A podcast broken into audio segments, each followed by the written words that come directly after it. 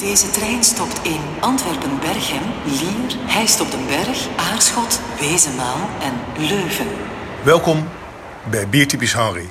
Deze keer ben ik op reis naar Antwerpen om een bezoek te brengen aan het Brewers Forum, het jaarlijkse congres van de Brewers of Europe. Antwerpen, de stad van de koning. Een prachtige plek om eens te verdiepen in een bijzondere bierstijl, de Special Belge, ook wel Amber geheten. Ik sta hier met uh, Luc de Rademaker, uh, organisator van de Brussels Bier Challenge en uh, uitgever van Bière Grand Cru. Ik vind op zijn Frans klinkt hij het mooist. Um, Luc, we zijn hier in Antwerpen, de stad van, uh, van de Amber. Maar ik hoor allemaal verschillende namen. Ik hoor Amber, ik hoor Special Belge. de koning zet er zelfs op Pale Ale. Is dat nou hetzelfde bier of is het allemaal verschillend? Goh, in principe is het hetzelfde bier. Nu is Special Belge ontstaan als eigenlijk een tegengewicht voor pils. Uh, in het begin van vorige eeuw werd België, zoals ik, uh, heel Europa en heel de wereld overspoeld door pils. Ik kwam voornamelijk van Tsjechië Duitsland, hoef ik jullie te vertellen. En de Belgische brouwers voelden zich een beetje gepakt in de portemonnee en in het kruis. En ze hebben eigenlijk een wedstrijd uitgeschreven voor een bier te maken dat kon wedijveren met pils. Het moest even zwaar zijn in alcohol als pils. Het moest uh, heel doordringbaar zijn. En het moest een derde minder kosten na een paar wedstrijden, zijn er twee of drie geweest, is eigenlijk uh, de stijl die het geworden is, is eigenlijk Special Belge. Uh, is heel populair geweest, zeker in de jaren 70, 80. En eind jaren 80 is eigenlijk een beetje naar beneden gegaan. En, en waardoor, waardoor is dat gekomen? Goh, eigenlijk er zijn uh, twee grote spelers van Special Belge. Ja, Palm en de Koning. De Koning heeft een eerste basis in Antwerpen. En Palm heeft het een beetje, ja, het verkocht heel goed, maar aan een oudere generatie. Die oudere generatie werd nog ouder. Uh, sommige mensen stierven en dronken ook minder. En het wordt een beetje beschouwd als uh, bier voor de oudere generatie, van, voor mijn grootvader bij wijze van spreken. Maar de laatste jaren, en eigenlijk gezegd, ja, dankzij de Nederlanders voor een stuk, uh, Swinkels, is het bier terug langzaam maar zeker aan de opmars bezig. Is dat, gaat het alleen voor Palm of ook voor de koning? Dat geldt zeker ook voor de koning, maar de koning is eigenlijk een ander verhaal. De koning heeft altijd een uh, trouwe thuisbasis gehad in Antwerpen. Elk café in Antwerpen zijn er bolletjes. En die bolletjes worden gedronken door lokale mensen en die vinden het geweldig. Dus elke Antwerpenaar drinkt zijn bolletjes. Dus eigenlijk het volume is min of meer op hetzelfde niveau gebleven. Natuurlijk met een paar kleine schommelingen. En uh, ja, Duvel Moordgat heeft eigenlijk de naam veranderd van Special Belge, van Bolleke, naar ja, PLL, op zijn Antwerpse, Antwerpse PLL.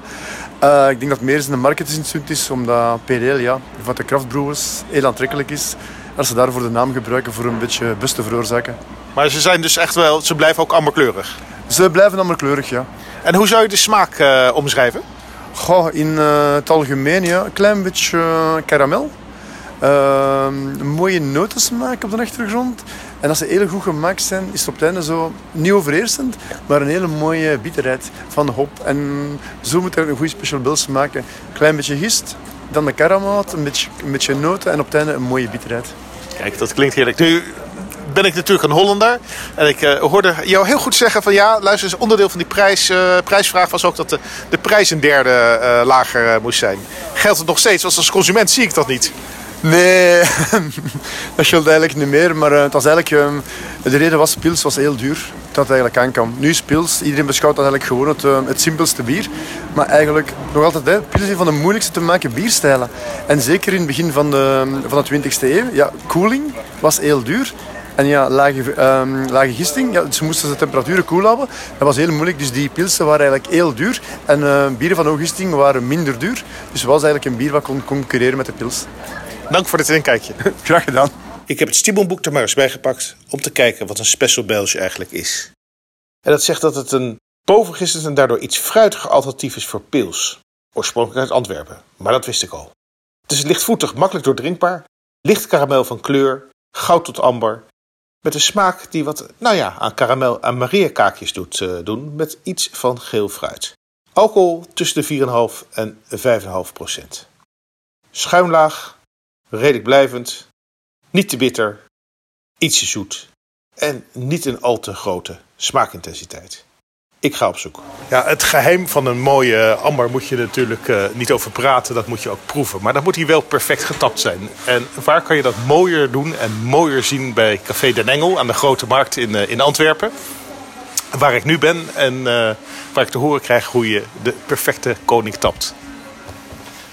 Eh, in ieder geval welkom. Hè. Eh, de bedoeling van een bolletje zoals wij hem traditioneel tappen, is eh, dat het bier in drie keer, of tenminste twee, minstens twee maal getapt wordt. Omdat je dan een heel mooie kraag krijgt en je zelfs eigenlijk een bolletje kraag, schuim, op het bier krijgt en zo de perfecte pint kunt afgeven. Dat je ook rondloopt, dat je tegen dat je aan tafel bent nog altijd schuim op je bier hebt staan en dat dat gezellig drinkt en smakelijk is. Maar je doet drie keer, drie keer tappen? Ja, inderdaad. Wij doen het... Mij is het zoveel jaren geleden aangebracht uh, door de brouwerij zelf. En uh, wij tappen het in drie keer.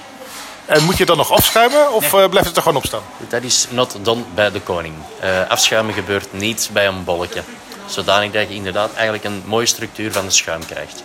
Fantastisch, ik ga het zien. Ik zou zeggen smakelijk. Dank u wel. Smakelijk. Nou, het ziet er inderdaad prachtig uit. Maar het is dus wel een beetje um, langzaam tappen. Het kost wel even tijd. Hij moet aandacht hebben.